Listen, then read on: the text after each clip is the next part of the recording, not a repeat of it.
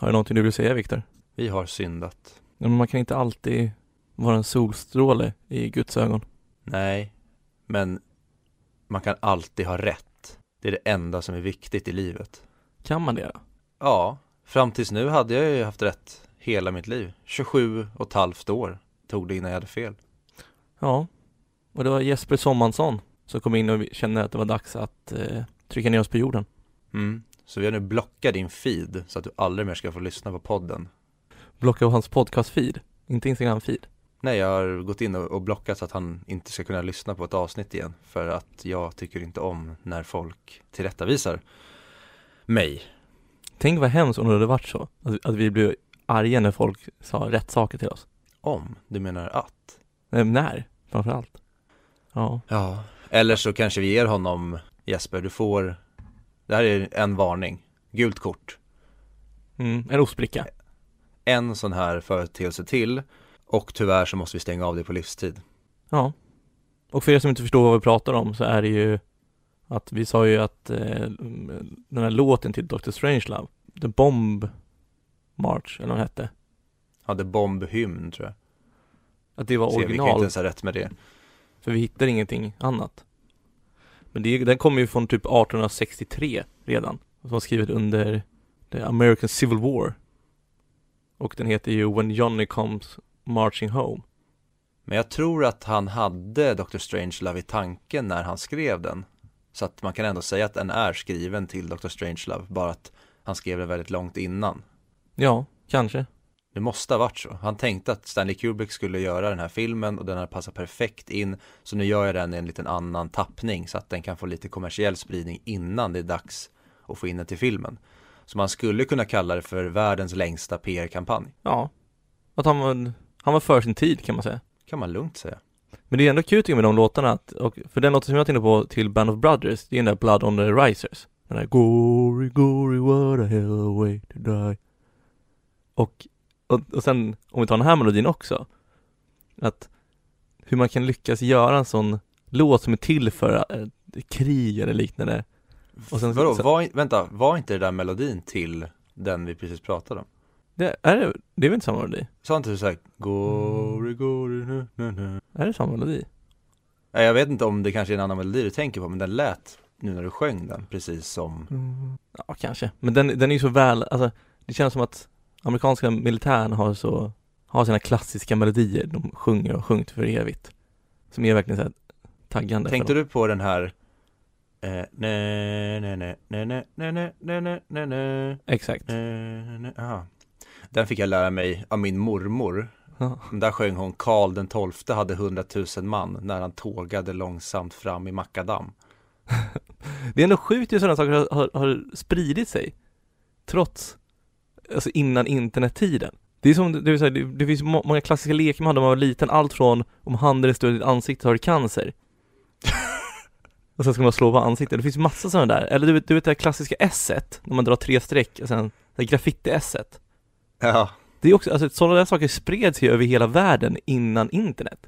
Oavsett land så Mm. fanns de överallt. Det tycker jag är fascinerande. ja Och nu Skitsamma. så har vi sabbat det med internet för nu är allting överallt hela tiden och då blir allting som att din hand är större än ansiktet, nämligen att alla får cancer fast i sin internethjärna. Ja. Men, eh, och, och, så sen å andra sidan så får vi ju möjligheten att konsumera så otroligt mycket fina och vackra filmer. Mm. Transformers 2, Revenge of the Fallen. Framförallt den. Nej, jag måste sluta återkomma till Transformers hela tiden. Jävla personlig hat. Var det så att du inte fick Transformers-leksaker när du var liten, men du, men du egentligen önskade dem? Kan ju vara något sånt. Jag borde ju gå i psykoanalys och ta reda på det här. Det tycker jag. Det kan vi ju livepodda. Ja. Men nog om mig. nog, nog om det här. Nu kör vi igång. Nu kör vi igång.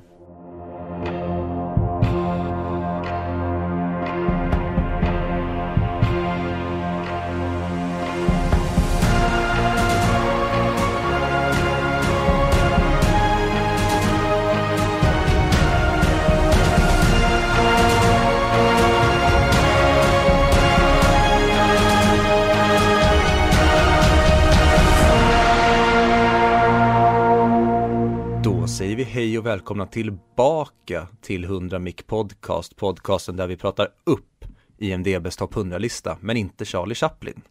Det här är då placering 67 och idag ska vi prata om Hayao Miyazakis Princess Mononoke från 1997. Men uh, that comes later. För innan har vi lite annat vi kanske skulle kunna prata om. Jag heter som vanligt Viktor och med mig som vanligt har jag alltid Fredrik. Kul! Väldigt. Mm. Du eh, la ju ut tre texter med nananas som vi pratade om förra veckan där man skulle vi skulle se om någon kunde gissa vad det var för låtar du hade då skrivit så fint i nanana-form. Mm. Och jag har ju då bestämt mig för att inte kolla på de här utan jag tänkte att vi kan ju köra dem här och nu. Att jag ska få läsa dem och se om jag kan ta dem i podden. Jag blev ju lätt förolämpad när jag inte fick något svar på den. Från mig alltså. Ja, från dig. Mm. För jag, jag la ut dem i söndags, men jag väntade fem dagar innan du svarade tror jag. Mm. Var- Och eh, nu vet du varför. Nu vet jag varför. Det är som en Mm. bra film, en riktigt bra twist. Precis. Du har tyckt att filmen sög hela vägen fram till slutet när du får reda på varför Ja, varför den den sög? sög. eh, men den första då? Ska jag försöka läsa upp den? Det är alltså Na, na, na, na, na, na, na. Fan, det här var ju svårt. ja, jag tror man, alltså in på vår Instagram och kolla så kommer du se där. Så, jag tror det är lätt att förstå. Na, na, na, na, na, na. Okej, vi gör ett försök till. Na, na, na, na, na, na, na. Nej. Alltså jag har ingen aning, jag är så jävla dålig på det här. Jag är ju som en AI som försöker läsa av. Jag förstår inte. Förlåt, vad sa du? Nej, du får ju berätta vilken den första är. Jag är ju sämst på det. Jag är osäker på om det är ett na för lite. Men det är så här i alla fall. Na, na, na, na, na, na, na, na, na, na, na, na, na, na, na, na, na, na, na, na, na. Ja, nej men den, eh, det var ju bra nu när du, när man hängde med i låttexten. Seven Nation Army. Ja, och vi kör tvåan då, nu kanske jag har fått bättre känsla för hur det här går till då. Na, na, na, na, nej så. Eh. Sjukt det var samma låt alla tre gånger. Mindfuck. Na. Na na na. Na na na. Na na na. Fan, det, jag vet ju att det är... Är, det, är, det, är, jag, är jag nära eller är det helt åt helvete? Prova igen. Na. Na na na. Na na na. Na na na. ja, det, det där är ändå likt. Men tänk såhär, det är stora bokstäver, så det, när väl ljudet kommer så är det mäktigt ljud. Jaha. Na. Na na na. Na na na. Na na na. Okej, lite längre mellanrum mellan dem med bindestreck. Sen är du, sen är du klar. Okej. na. Na na na. Na na na. Na na na. Nej, jag har ingen aning. Det är så aning. nära. Tänk dig Eye of the Tiger. Na, na, na, na, na, na, na, na, na, na. Ah. Jävlar, vi får sluta med Vem är vi på väg och köra de här. Eh, det roliga, jag är lite osäker på vad trean är. Så jag, kom, jag tänkte att du skulle mejla de två första, så, så att vad jag sa på trean så kunde jag säga att det var rätt. Okej. Jag tror Da. jag hade den. Da da da da da da da da da da da na na na na na na na na na na na na Alltså, jag har svårt. Men det är ju sjukt om du inte vet själv Mhm. Och sista är ju då såklart The one and only Final Countdown. Eh, kul! Eh, testet misslyckades ju miserabelt. Jag tänkte att, att du skulle naila direkt. Ja men det där är Eye of the Tiger. Det där är, jag hör direkt vad det är. Så, så, så var den här situationen i mitt huvud. Ungef- Ungefär som i 500 Days of Summer, när han har i sitt huvud hur det kommer gå till när han går upp i lägenheten och ska eh, prata med henne. Och sen så går det inte alls till så. Så var det nu.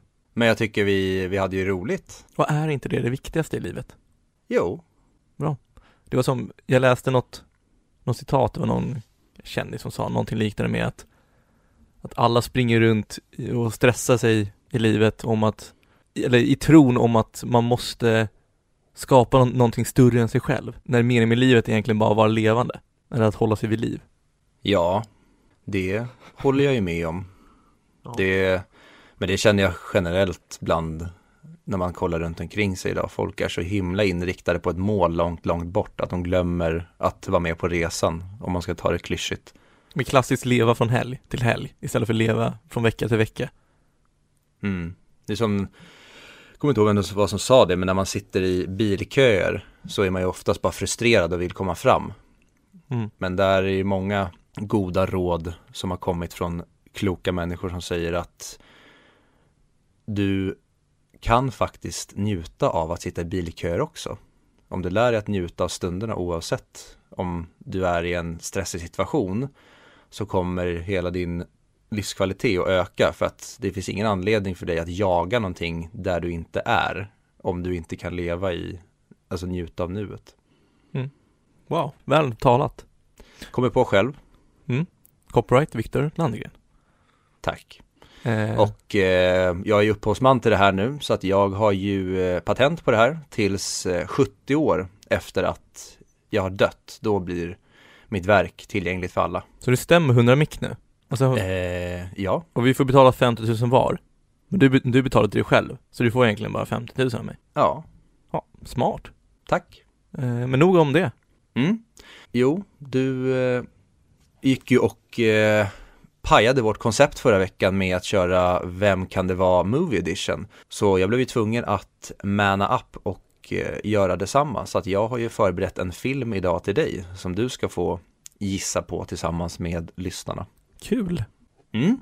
Är du redo för Vem är vi på väg? Movie Edition. Movie! Movie. Det var lite Moomin. Moomin Edition. ja, jävla mäktigt om det är en finsk film du slänger på nu. Så det, var så här, det där var första hinten egentligen. Ja, det där var ju 10 poäng. Ja. ja, jag är redo. Men eh, är du redo för Vem är vi på väg? Moomin edition. En person ärver ett företag från sin förälder vars livsverk var att skapa en ny, bättre värld. Så ättlingen försöker åstadkomma detta genom att bli majoritetsägare i ett av stadens företag. Projektet stöter på patrull när en annan delägare med en historia av mental ohälsa försöker stoppa detta. Innan denna hade regissören regisserat sju filmer. Oj, vad jag känner igen den. Men alltså, första tanken är ju till sax, vad heter den? Succession. Men det är ju en serie. Det kan det inte vara. Sjukt oskönt om jag hade sagt att det är en film och så är det en serie. Nej, helt rätt. Det är en eh, film. Så det, okej. Så det är alltså en person som vill göra världen bättre genom att ärva företag och det företaget vill han få majoritetsägande i.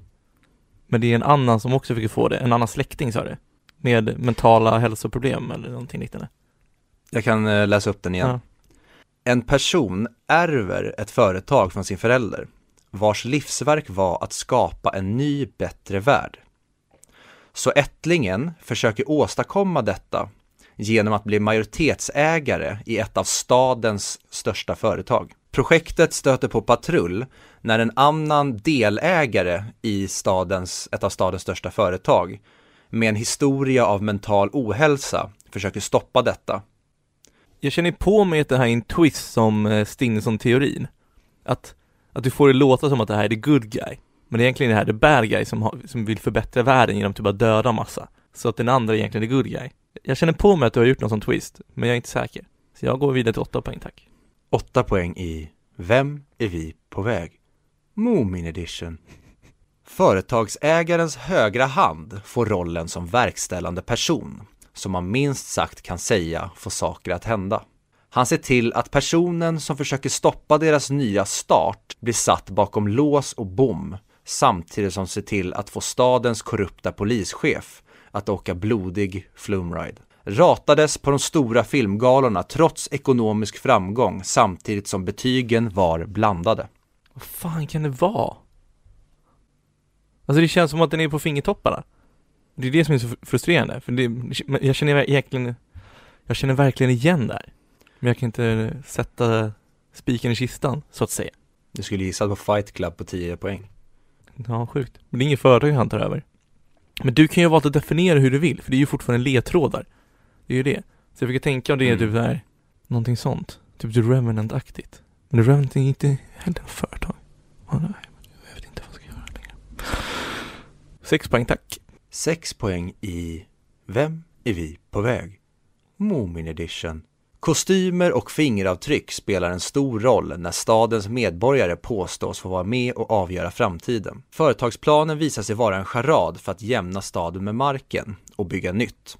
Och trubbelmakaren som satts i fängelse visar sig ha blivit personligt utvald för att ha bidragit till att dennes förälder dött i en tågolycka. Flera av skådespelarna medverkade i regissörens efterföljande film som utspelar sig i rymden. Va? Alltså, åh, är det en jävla Andy Serkin grej så jag är helt jävla borta och ute och cyklar nu? Nej, det är inte heller det. Fan, nu är jag var lite inne på Batman Begins där. Men det är ju inte heller det. Hans föräldrar är inte en tågolycka. Vad fan kan det vara? Ja, men, fyra poäng. Vi kör fyra poäng. Företagets lögn avslöjas och stadens polis och medborgare försöker stoppa planen innan det är för sent. Trubbelmakaren räddar dagen med sin militärhelikopter, men aktionen kostar honom hans liv. Eller? Staden tackar trubbelmakaren genom att resa en staty av honom när han bär sin mest välkända kostym. Samtidigt som hans butler, som visat honom ryggen, gråter vid hans grav. Det är den sista delen i en trilogi. Men det är ju, det är ju sista men jag förstår inte ledtrådarna då. Ja, men jag är Mm? Och vi kör två poäng. Podcasten du lyssnar på har avhandlat filmen där vi får följa en mörk riddare när han försöker resa sig upp och stoppa Talia med hjälp av Robin och kattkvinnan. Och ja, du hade helt rätt. Det var Dark Knight Rises. Woo! Fyra poäng. Och jag, jag var jätterädd för att du skulle ta den här så att jag har ju verkligen krånglat till det så mycket som jag kan. Mm. Ja, det var inte jag ta, såklart. Ja, men jag, jag undrar, tågolyckan? alltså Talia Al Ghul är ju ute efter att stoppa det. Bruce. Och And, eller vad heter han? Eh, Ducard, eh, Liam Neesons karaktär, han dör ju när de är på tåget och Bruce Wayne hoppar ur Just det. medan han åker ner och kraschar i Gothams asfalt. Det gjorde ju allting väldigt förvirrande för mig. Men, men det är också, du, du, du vände, som jag sa, du vände ju lite på, Jag gjorde exakt det som du sa Ja. att jag gjorde. fan. Ja, inte ja. Men eh, om jag går igenom ledtrådarna då. En person ärver ett företag från sin förälder, alltså Talia Al Ghul ärver av sin far. Vars livsverk var att skapa en ny bättre värld, alltså det är deras grej att åka runt och de har ju, de stod ju bakom till exempel eh, Roms förfall och sådana saker. Eh, och funnits i alla tider. Eh, så ättningen försöker åstadkomma detta genom att bli majoritetsägare i ett av stadens företag. Alltså hon ser till att en väldigt komplicerad väg ta makten över Wayne Enterprises genom daget och ja, ni kan ju storyn ni som har lyssnat på Dark Knight Rises avsnittet. Projektet stöter på patrull när en annan delägare med en historia av mental ohälsa försöker stoppa detta. Alltså Bruce Wayne och man måste ju påstå att han har haft problem med psykisk ohälsa. Eller har problem med psykisk ohälsa när han klär ut sig till en fladdermus och håller på och bestämmer vilka som är skurkar och inte. Mm.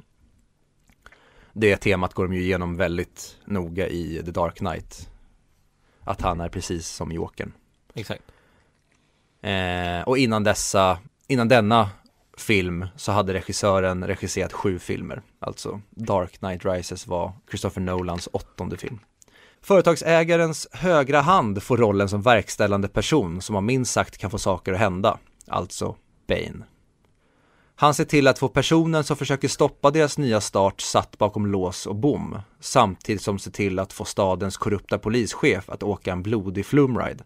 Alltså att Police Commissioner Gordon, han mm åker genom kanalen där och som skjutit honom så att han blöder och åker i klakerna. Och de ser till att sätta Bruce i det här fängelset då. Eh, ratades på de stora filmgalorna trots ekonomisk framgång samtidigt som betygen var blandade. Ja, den fick ju inte en enda Oscarsnominering, men det hade ju The Dark Knight fått och eh, betygen var ju både upp och ner, men den är ju generellt älskad, men många var ju kritiska till att det var ett dåligt slut på Dark Knight-storyn. Exakt. Eh, kostymer och fingeravtryck spelar en stor roll när stadens medborgare påstås få vara med och avgöra framtiden. De säger det att en av medborgarna har avtryckaren till bomben. Och ja, alla bär egentligen massa kostymer. Och fingeravtrycken är det som Selina Kyle stjäl så att de kan ta makt över Wayne Enterprises. De stjäl ju Bruce Waynes fingeravtryck. Exakt. Eh, företagsplanen visar sig vara en charad för att jämna staden med marken och bygga nytt. Och trubbelmakaren som satts i fängelse visar sig ha blivit personligt utvald för att ha bidragit till att Dennis förälder dött i en tågolycka. Alltså att Bruce Wayne såg till att Talia al Ghuls pappa dog på när tåget kraschar.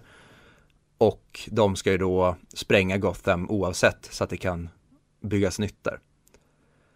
Och sen flera av skådespelarna medverkar i regissörens efterföljande film som utspelar sig i rymden, alltså Interstellar, där vi bland annat ser Anne Hathaway igen och Michael Caine igen. Där tänkte jag att det var sequel på den filmen. Mhm. Så liksom, vad, vad är det för film, den andra filmen är i rymden? Mhm. Och sen eh, fyran då. Företagets lögn avslöjas och stadens polis och medborgare försöker stoppa planen innan det är för sent. Ja, det som egentligen händer i slutet på The Dark Knight Rises. Trubbelmakaren räddar dagen med sin militärhelikopter, men aktionen kostar honom hans liv. Eller? Staden tackar trubbelmakaren genom att resa en staty av honom när han bär sin mest välkända kostym. Samtidigt som hans butler som visat honom ryggen gråter till hans grav. Och det är den sista delen i en trilogi. Ja. Mm. Det förklarar egentligen slutet på filmen. Och sen podcasten du lyssnar på har avhandlat filmen där vi får följa Mörk Riddare när han försöker resa sig upp och stoppa Talia med hjälp av Robin och Kattkvinnan. Nej men det var bra. Jag, jag fuckade upp det lite när jag inte, eh, när jag inte förstod att det var en eh, film på hundralistan. Det var lite sneak av dig. Ja, och jag, var just det, jag försökte krångla till det så mycket som möjligt just därför att vi har pratat om den här nyligen.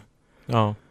Så att jag vill inte att det skulle vara allt för uppenbart. Men jag måste säga att det var jättemycket svårare att göra en sån här än en Vem kan det vara? Vem är vi på väg? Moomin edition. Nej, inte Moomin edition utan en vanlig Vem är vi på väg? Vem kan det vara? Ja. Om en eh, skådespelare, skådespelerska. Finns det några finska kända skådespelare, skådespelerskor? Eh, nej, men Finlands mest kända boxare, han heter ju Ranta runt i ringen. Ja. Senast när jag var ute och golfade så hörde jag en, en, en gubbe dra samma skämt. Vet du vad Finlands snabbaste 100 meters löpare heter? Jag kommer inte ihåg, eller ja, jag, jag, jag kommer inte ihåg vad svaret var, men du vet den klassiska. Som man trodde hade dött Ja. ut länge sedan. Göteborgare. Ja, typ. Men eh, kul. Kul. Då får vi se om det blir fler Moomin edition eller om vi återgår till gamla konceptet eller om det blir mix and match framöver. Jag tänker vi kör Moomin edition men så, och så kör vi Mumien. Det är mindfuck. Ja, det kan man göra. Tänk på den. Ah, fan, det spoilar Dumt. Ja, ja. Ja. Nu går vi vidare. Hej.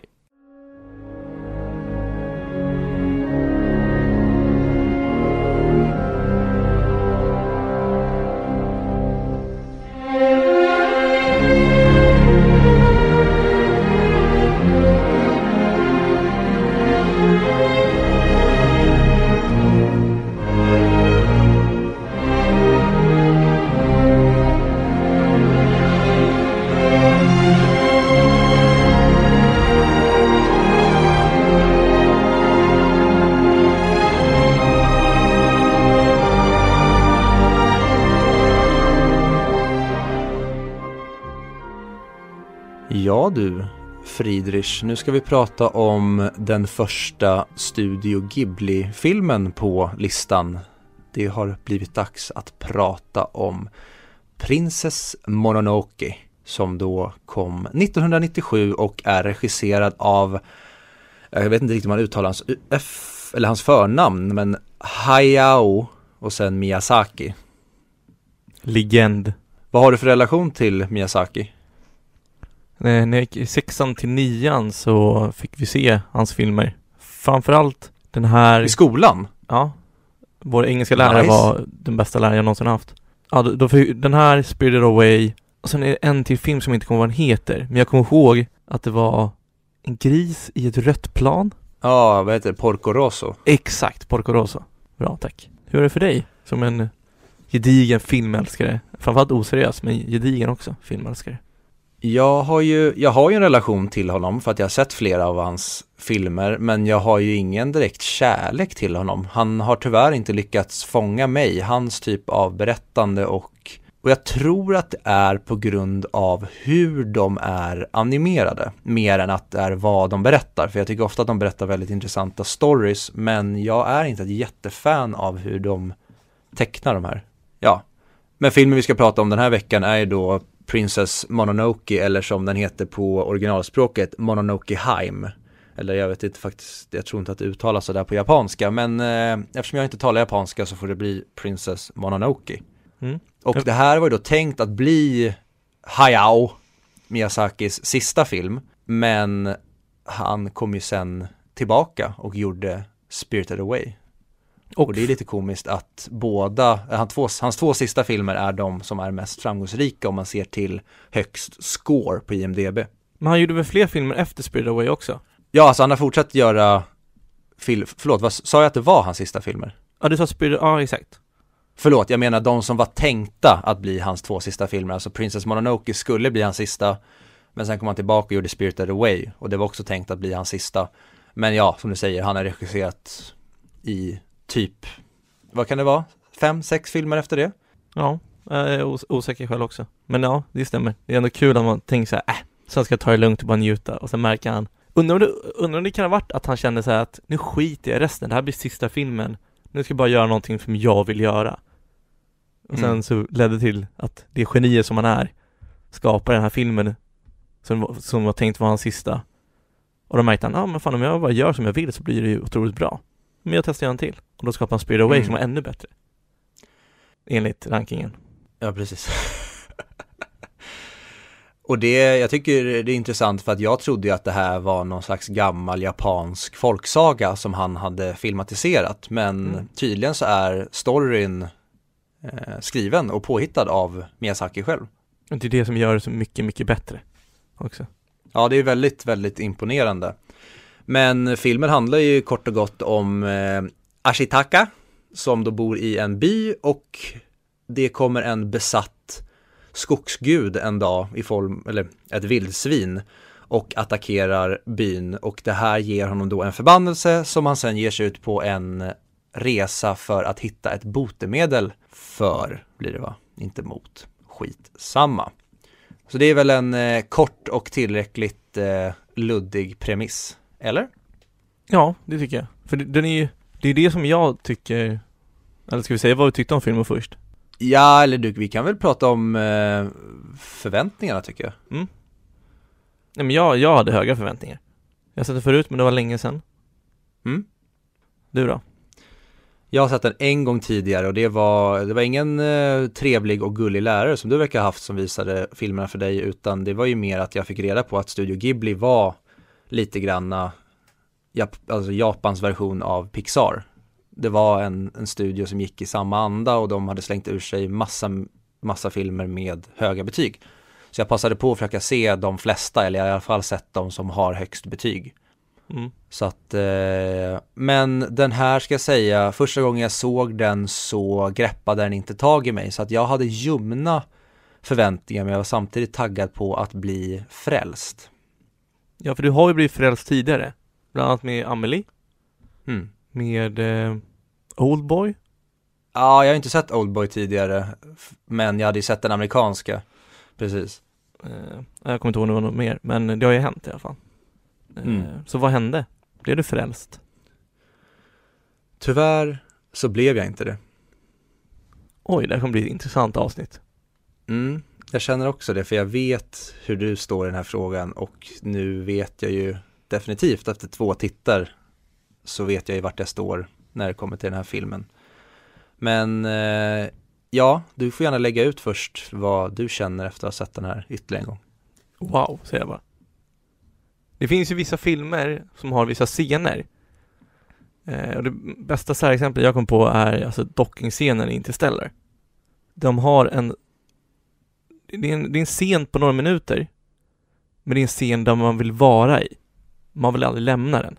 Och jag tycker att den här eh, världen som han har skapat eh, Miyazaki med Princess Mononoke är en sån värld och det finns flera sådana fina scener och man vill bara vara där. Man vill bara vara kvar i filmen. För det är en sån otrolig värld. Mm. Och nu, jag vet ju att den här är animerad för hand, vilket Mm. jag älskar. Jag älskar Disney back in the day när de gjorde det, när allting var gjort för hand, ruta för ruta, istället för att det blev någon slags animationsmaskin. Men jag vet inte vad det är. Jag tycker inte att filmen är så görsnygg som många verkar tycka. Jag tycker att framförallt designen och koncepten är amazing. Alltså om vi kommer till bara hur den här besattheten tar över vildsvinet i början, hur obehagligt det är med de här maskarna som fladdrar ut ur huden och penetrerar kroppen. Sånt ger mig såna jävla kalla kårar. Men när det kommer till typ miljöbilder så är det för mycket Pokémon för mig. Det känns inte tillräckligt välgjort kanske fel ord, men om, om du jämför med typ Your Name så tycker jag att Your Name är ljusår snyggare animerad än den här, men den kanske inte heller är så handritad. Men där tycker jag de får ut färgerna mer. Här känns den mer 2D, om jag, om jag kan förklara mig så, än Your Name i själva animationen.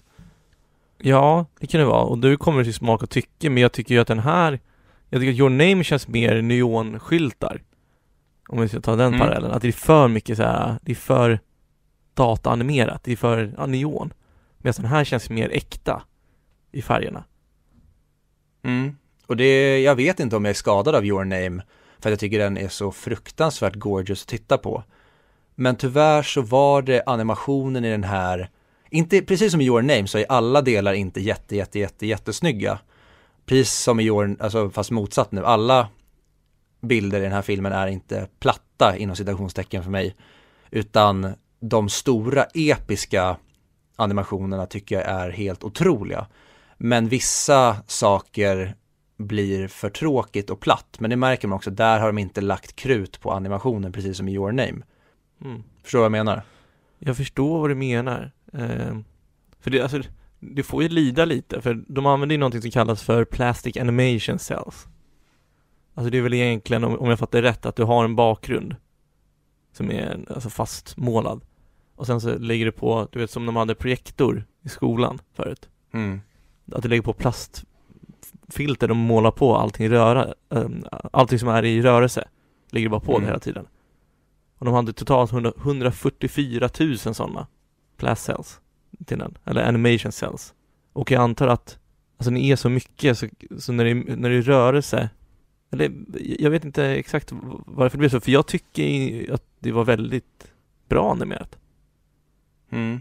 Jag, det är det som jag har svårt att sätta ord på. Jag tycker inte att det är dåligt animerat, men det är inte tillräckligt eh, för min, min typ av smak, alltså mina ögon vill ha från en animering, så är det inte det här wow för mig. Utan animeringen för mig känns mer som, jag sa, Pokémon. Det är samma typ av animation som en serie som går på tv.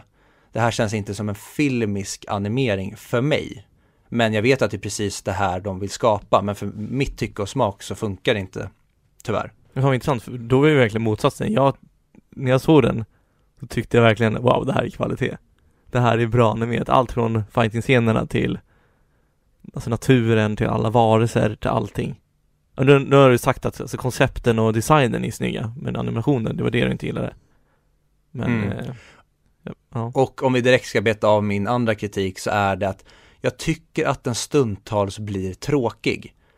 För det är det, när animationen inte är tillräcklig, du får inte tillräckligt mycket liv i den här typen av animationsansikten, du ser inte tillräckligt mycket inom citationstecken rynkor och de blir inte tillräckligt mycket levande personer för mig.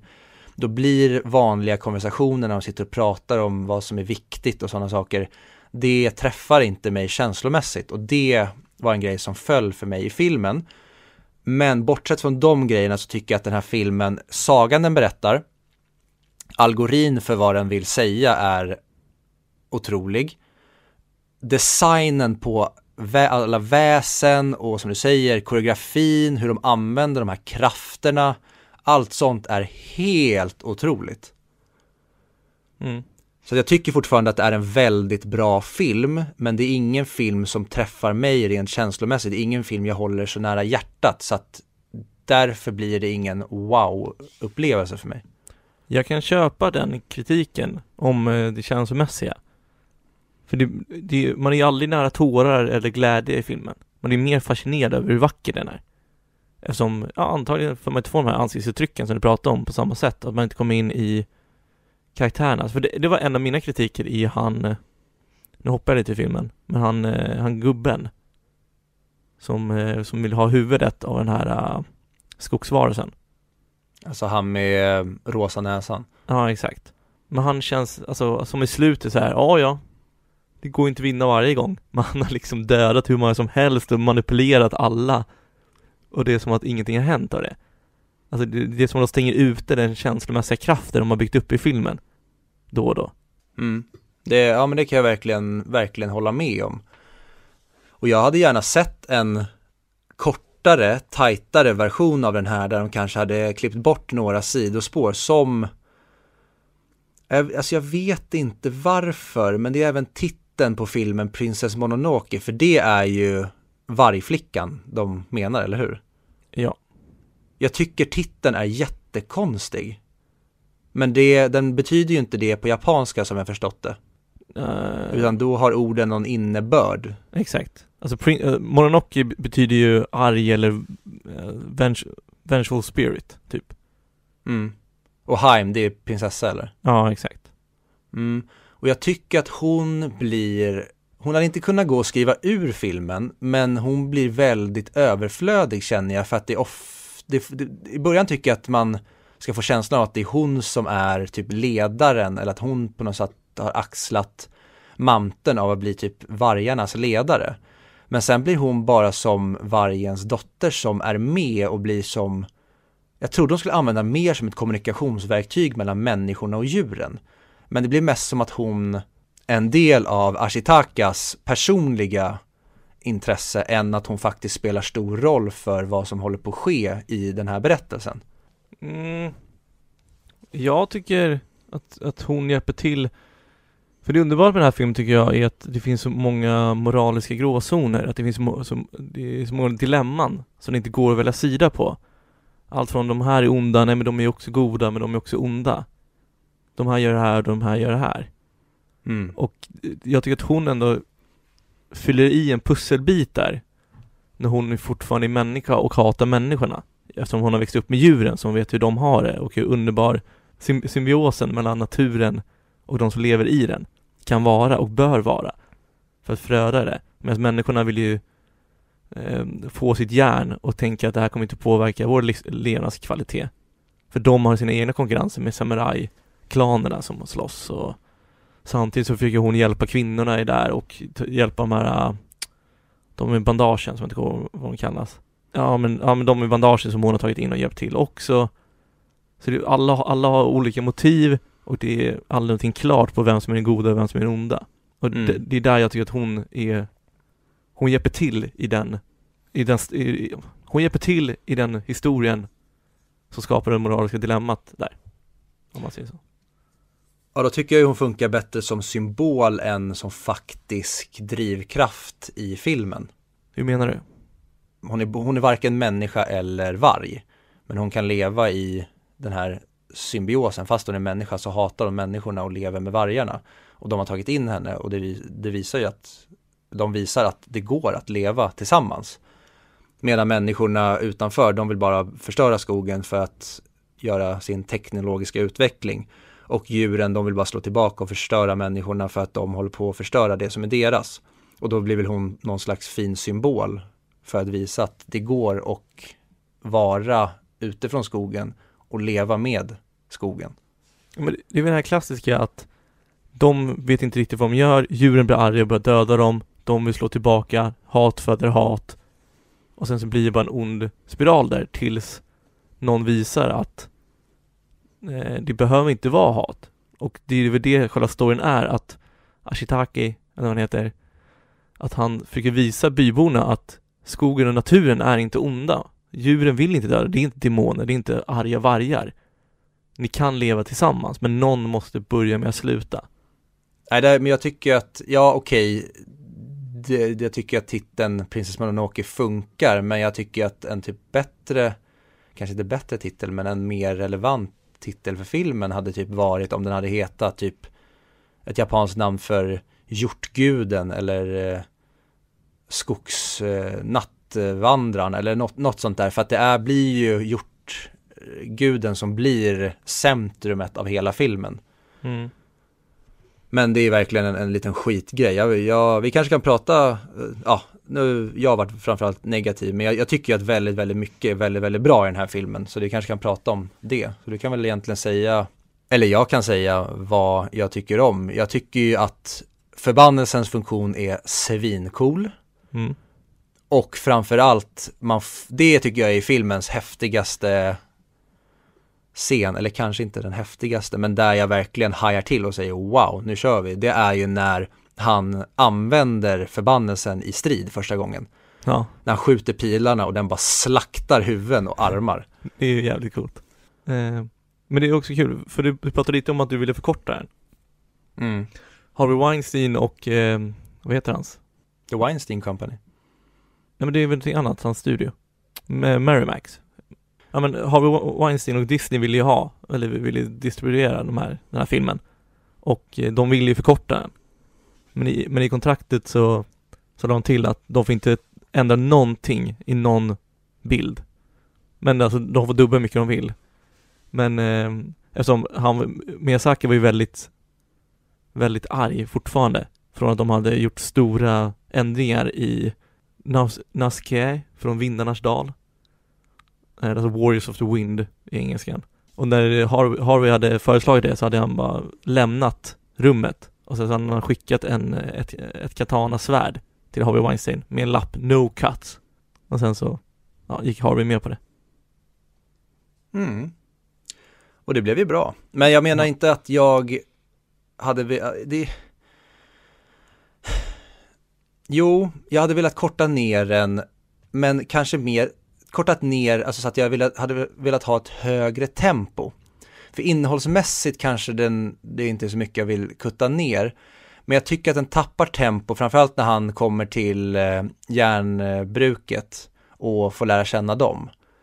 De delarna är inte så intressanta för mig och där blir det väl att jag känner att filmen tappar lite momentum och sen måste man jobba upp farten igen när man sen ska iväg därifrån och han ska in i skogen och fortsätta sin jakt.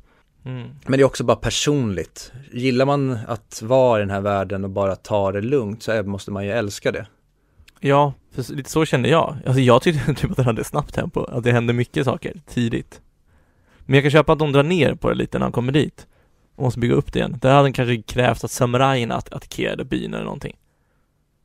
Mm. Sen tycker jag att de hade ju kunnat, alltså ta bort samurajerna och bara ha järnbrukets gäng som motivation, att det bara var en kamp mellan skogen och människorna där. För nu bakar de in en tredje part i form av samurajerna och de som också vill ha huvudet. Så att det blir lite mycket kaka på kaka, det gör storyn lite för komplicerad än vad den behöver vara för mig. Jag gillar när om den hade varit mer straight. Men det kanske också hade blivit sämre, det är bara en grej som jag känner nu i efterhand.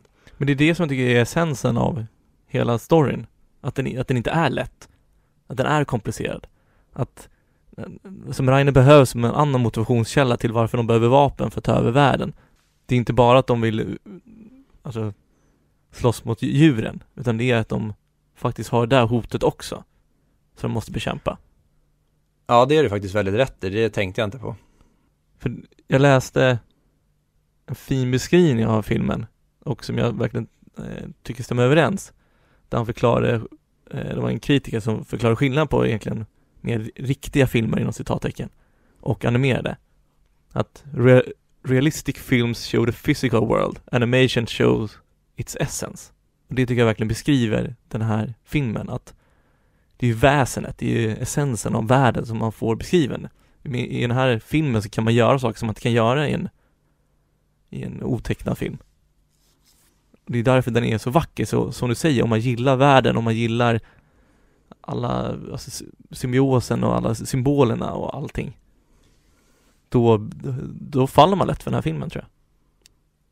Mm. Det enda jag satt och tänkte på under hela den här filmen var allting som jag tyckte var balt med den. Eller jag kände att Tänk om Peter Jackson direkt efter han hade gjort Sagan om ringen-trilogin mm. hade gjort en live action version av det här. För det här, alltså, att se allting som är med i den här, alla väsen och så och förbannelserna och transformeringarna och det. Och få se det i en Peter Jackson regisserad episk film inblandat med de här samurajerna och järnbruket och kriget och det. Det hade kunnat bli så otroligt fett. Och det är väl därför jag tycker så väldigt mycket om den här filmen men den kan inte klä, alltså kliva upp där jag vill ha den för att den, det, vad säger man, bildspråket är inte i min smak. Men det känns som att det är där den faller för dig. Att, mm. att allting annat verkar bra men du tyck, den, det faller inte i din smak rent konstnärligt och rent målandes. Eller vad man säger. Alltså själva ja, animationen. Jag tycker inte att eh, berättarstil, berättarstilen är ju verkligen inte, jag tycker inte att det, alltså animationsstilen är den bästa för den här berättelsen baserat på vad jag känner. Men det vet jag inte, det kanske hade blivit pannkaka om jag hade fått den i en Peter Jackson live-version också. Men det var verkligen det jag satt tänkte på att wow, och få se animerade sådana här maskar komma ut en, ur en fotorealistiskt animerad vildsvin.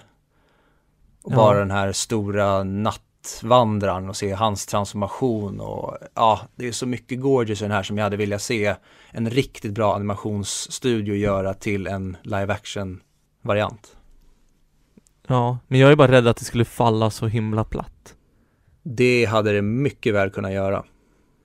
Men jag har bara den här bilden i huvudet när han, eh, alltså är det, vad kallas den här guden? Är det naturguden eller the spirit, the nature spirit kallar de den väl för? I filmen? Ja. Alltså nattvandraren. Det är väl the nature spirit, eller spirit of the nature, eller någonting, har jag för mig. Ja, alltså guden som ger och tar liv, han är livet självt. Exakt. Alltså just hans ansikte, när hon skjuter honom och han bara ler. Hans, ans hans ansikte ler ju hela tiden. Ja, otrolig, otrolig design på den och som du säger, att han inte blinkar. Han bara är ett stirrande ansikte som man inte vet om han är glad, arg, ledsen. Det, han ser bara ut som att han är typ manisk. Men det är, så här, det är obehagligt, men samtidigt inte. Det är verkligen ett sånt, man kan inte släppa det med blicken. Det går inte att titta iväg Nej. ifrån när han, eller när den kommer in i scen.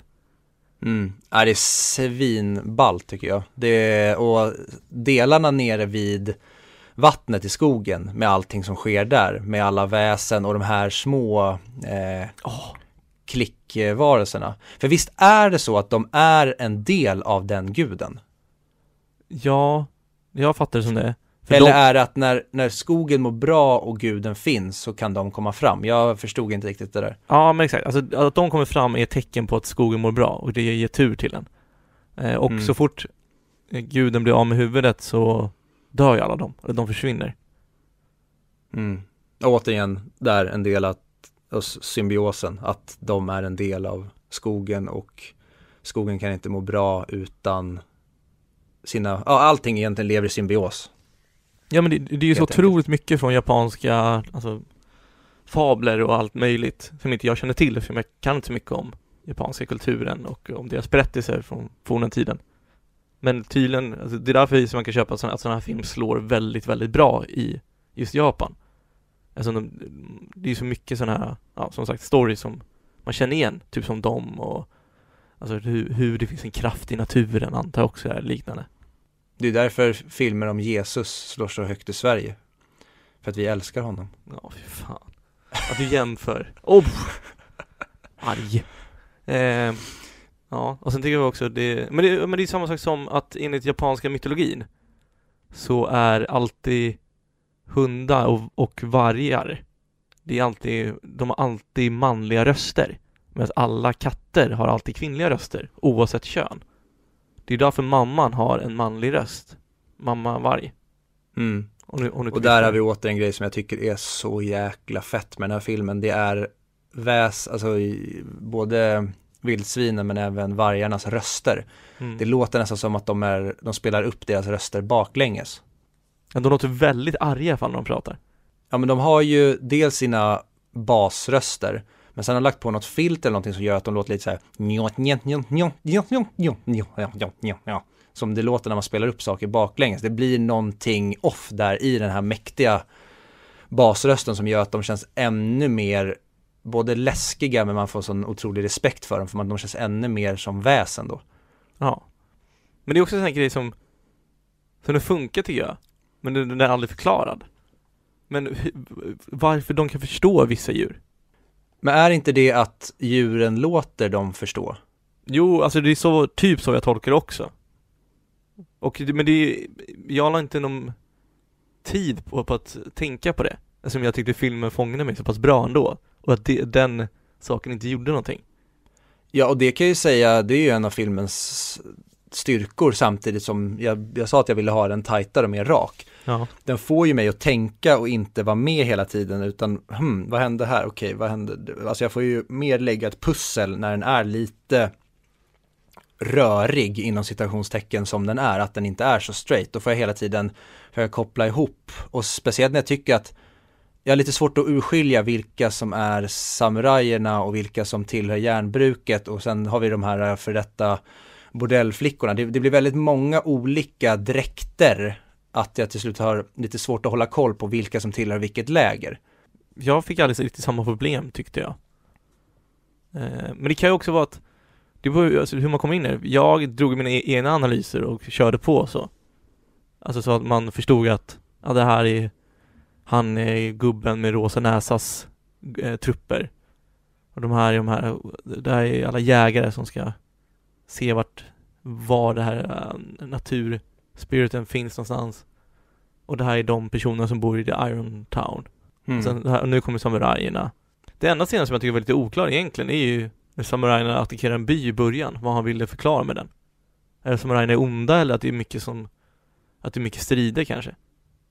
Ja, I guess kanske att de ville etablera att när de dyker upp senare i filmen så har vi redan sett att de har gett sig på oskyldiga och, och att de här inte är the good guys.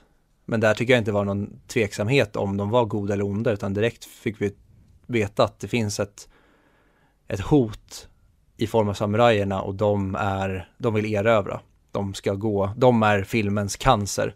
Och det kommer, det har Mm. redan gett sig på skogen i form av att då hon, Obashi heter hon väl, ledaren över järnbruket, att hon har, hon vill göra samurajerna nöjda genom att ordna huvudet till dem. Ja, är det samurajerna som man gör till? Eller det kanske inte är, det är det jag menar, jag, jag tycker det är rörigt. Jag, jag, jag förstår inte riktigt vem som, hur många läger finns det? Han med rosa näsan, tillhör han samurajerna eller vill han ge huvudet till samurajerna? Nej, han vill ge det till The Emperor. Ja just, jaha, ja, jag är ju Och The Emperor får vi aldrig se. Du är ju helt borta. Ja det kan man lugnt säga. Ja. Eh. Nej men det här, det här, det här, det känns som en film som du kanske behöver kolla om en gång. Som en, klassisk mig, med andra ord. Ja men absolut, det tror jag säkert. Men som jag sa, jag, jag har ju egentligen inte så jättestort problem med de bitarna, utan för mig är det ju just det visuella som inte faller mig i smaken. Ja. Storyn, det är det jag, jag tycker ju, jag tror nog att jag tycker om allt med den här filmen om det hade varit paketerat i en annan stil för mitt öga, som hade passat mitt öga bättre. Och det, är- det är så konstigt att säga, men det är det enda typ svaret jag har, för jag gillar allt annat utöver det. Musiken är jättebra till exempel. Mm. Ja, det, ja, det är den verkligen. Ja, men jag funderar också på, för, för den största kritiken jag hade innan, det var ju så att han, han gubben känns lite för Ja, alltså, de tog bort den känslomässiga kraften genom att göra han för, nästan för oseriös. För, för sen samtidigt han, eh, Ashitaki, han är ju som han är för att han kommer från en, han är prins från en by som lever i, i, alltså i perfekt tillstånd med naturen, egentligen. Mm. Så han är ju lite såhär naiv och så här, vad håller hon på så här? När hon ska, när, det är något mäktigt när Ashitaki, Ashitaka stoppar fighten när Sun ska försöka döda Lady Eboshi. Ja, inne i alltså deras läger när han sen själv får ett skott genom magen. Ja, men bara fortsätter gå. Mm. Där blir han verkligen hjälten. Ja. Ah, det, alltså, jag, jag vill nästan se den igen. Mm. Jag tycker ju, ja, det är samma sak här. Jag gillar ju så jäkla mycket mer den, men det blir så, jag, jag har inget sug efter att se den igen på grund av hur den ser ut. Och där finns det, jag vet ju det på grund av att det finns andra Studio Ghibli-filmer jag gillar mycket mer än den här. Mm. Att det är inte, alltså animationens, det är inte animationen i sig som jag inte gillar tror jag, utan det är animationen i den här berättelsen. Mm. Men det kan jag köpa. Men det, för det, det jag, vi har ju olika problem med den. Alltså, det känns som, det som jag älskar mest med den är ju animationen och designen. Men Mm. sen i vissa, hade man fått in lite mer känslomässig smäll i det hela, då hade den varit så otroligt mycket bättre. Ja, okej, inte otroligt mycket bättre, men den hade, den hade varit bättre då tycker jag. Det är det de saknar just nu, om den saknar någonting.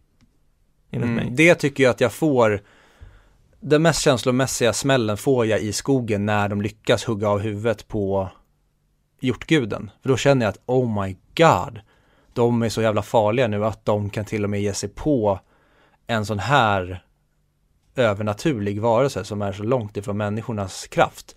Men Ja. de har skaffat sig teknologi som gör att de kan ge sig på det här också.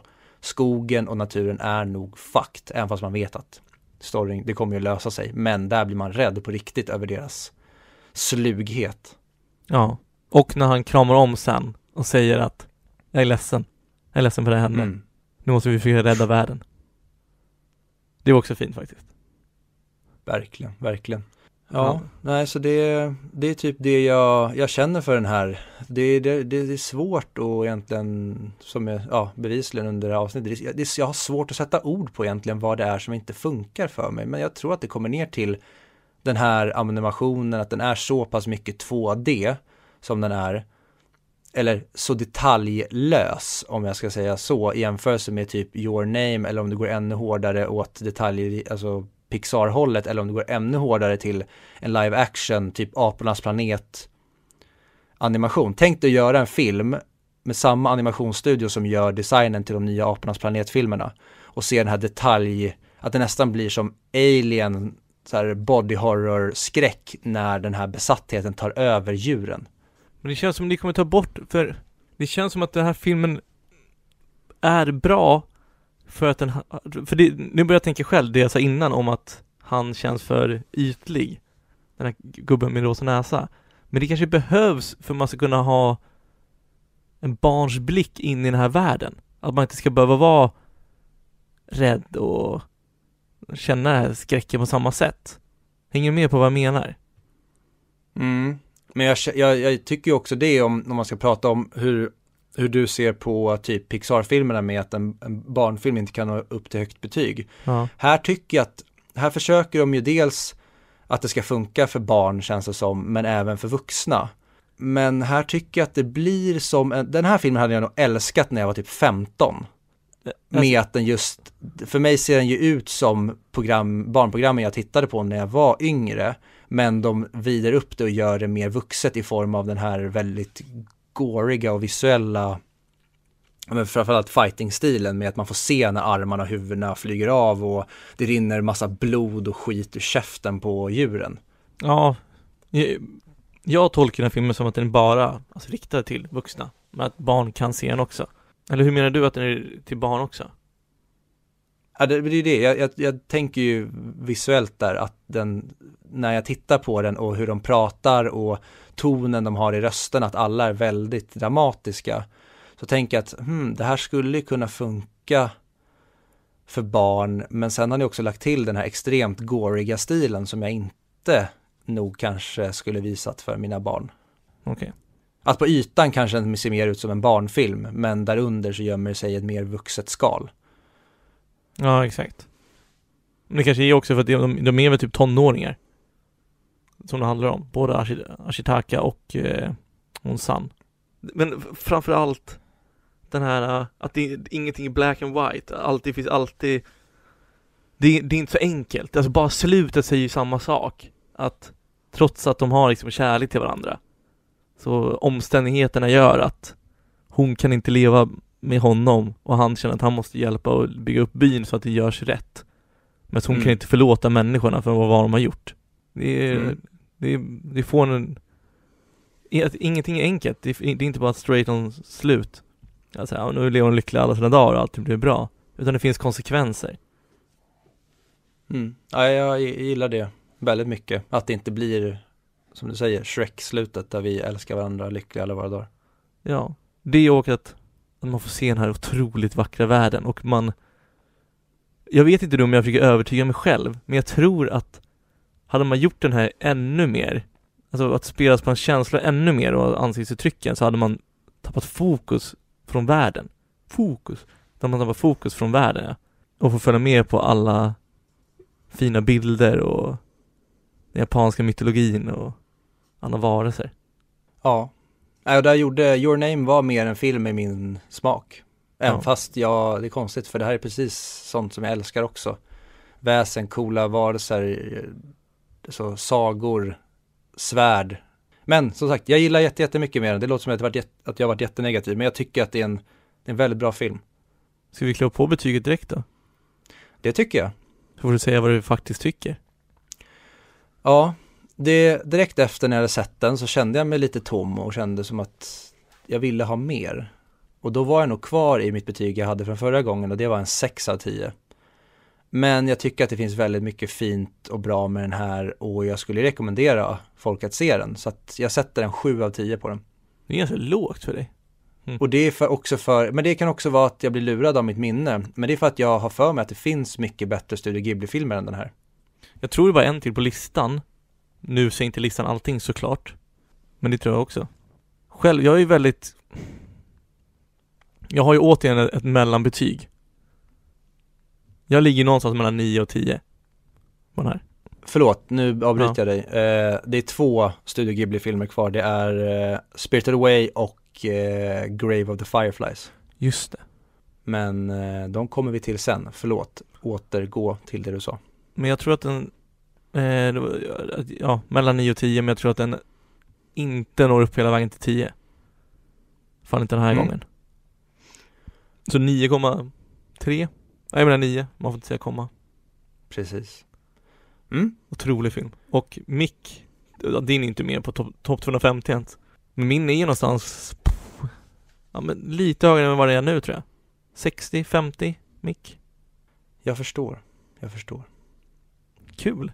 Det är nog första gången vi inte har varit överens om en film, men vi inte tjafsat om den. Ja, och det är ju nog för att jag, jag typ, säg att jag, om jag jämför med någon av de indiska filmerna som varit på listan där jag varit arg på att den är med, så är jag inte det. Det är bara att jag köper varför den här är så omtyckt, men den, är, den, den föll inte mig så mycket i smaken också. Och det tror jag att jag i alla fall på något sätt har försökt reda ut varför, även fast jag inte riktigt kommit fram till exakt. Så tror jag att jag har i alla fall resonerat lite grann kring varför den inte träffade mig rätt i själen. Jag vill ju kunna säga att det är, åh, det, det, är, ändå- det, det är ändå fint tycker jag att både en film som den här och Three Idiots kan ligga på den här listan som har ju så otroligt olika filmer men de är vackra på sina egna sätt. Men jag tycker faktiskt egentligen att det är helt absurt att den här ligger på samma lista som Tre Idioter. Mm. Framförallt den. Eh, Ja. Nej okej. Eh, Dangal kan jag inte köpa någonstans i hela världen att den finns med på en topp 250-lista ens. Men ja, där ser jag vad det finns för värde i den filmen. Men Three Idiots och Tare Samen Par. Det är ju, det är inte bland det sämsta jag sett, men det är bland det mest, alltså jag, jag kan inte komma på saker jag känner att det varit så ovärt att lägga tid på. Som de två filmerna. Otroligt överskattade. Så inåt helvete. Men eh, nog om Indien. Nu går vi tillbaka till Japan. Mm. Åh. Ja, jag ser otroligt mycket fram emot de resterande två Ghibli-filmerna. Vill jag bara säga. Mm, jag med. Väldigt, väldigt mycket. Och ja, vi ska inte avslöja för mycket men de, de kommer ju. Men eh, vi kommer inte lämna animationen utan nästa vecka så ska vi hålla oss kvar i animeringsvärlden. För då är det dags att prata om Spider-Man Into the Spider-Verse. Ooh! Där Post Malone har gjort en låt med en annan artist som inte kommer ihåg vad han heter, som heter Sunflower till den, låt, till den filmen. Mm, det kan vi ju prata om nästa vecka. Jag har en del att säga om just det. Mm. Men eh, den eh, går ju att se så att eh, har ni ett sånt här uh, via Play-konto så kan ni se filmen där. Har ni inte det, då kan ni hyra den på Blockbuster, iTunes, Rakuten TV, SF Anytime eller YouTube Movies. Har vi fått någon, någon kommentar från Playpilot än? Eh, de håller på att jobba på ett eh, pressmeddelande där de tänkte dels erbjuda oss en eh, enorm summa men även be oss att ta avstånd från de här uttalandena som vi gjorde i förra avsnittet. Så att, Men om vi inte får väntar några pengar än så kommer jag fortsätta. Playpilot Mm. är dåligt, använd inte det.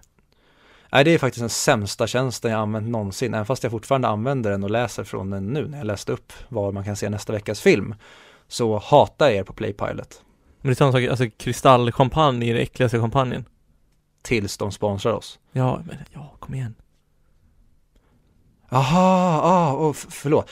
Eh, ja, usch. Uh. Jag hade aldrig kört en Lamborghini.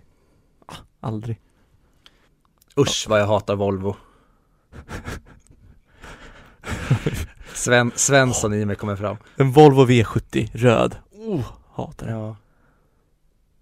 Ja, Mm. men med det. Följ oss på Facebook, Instagram, Twitter. Ja, vad mer har vi? Mail 100mic at 100micpodcast at gmail.com Jajamän.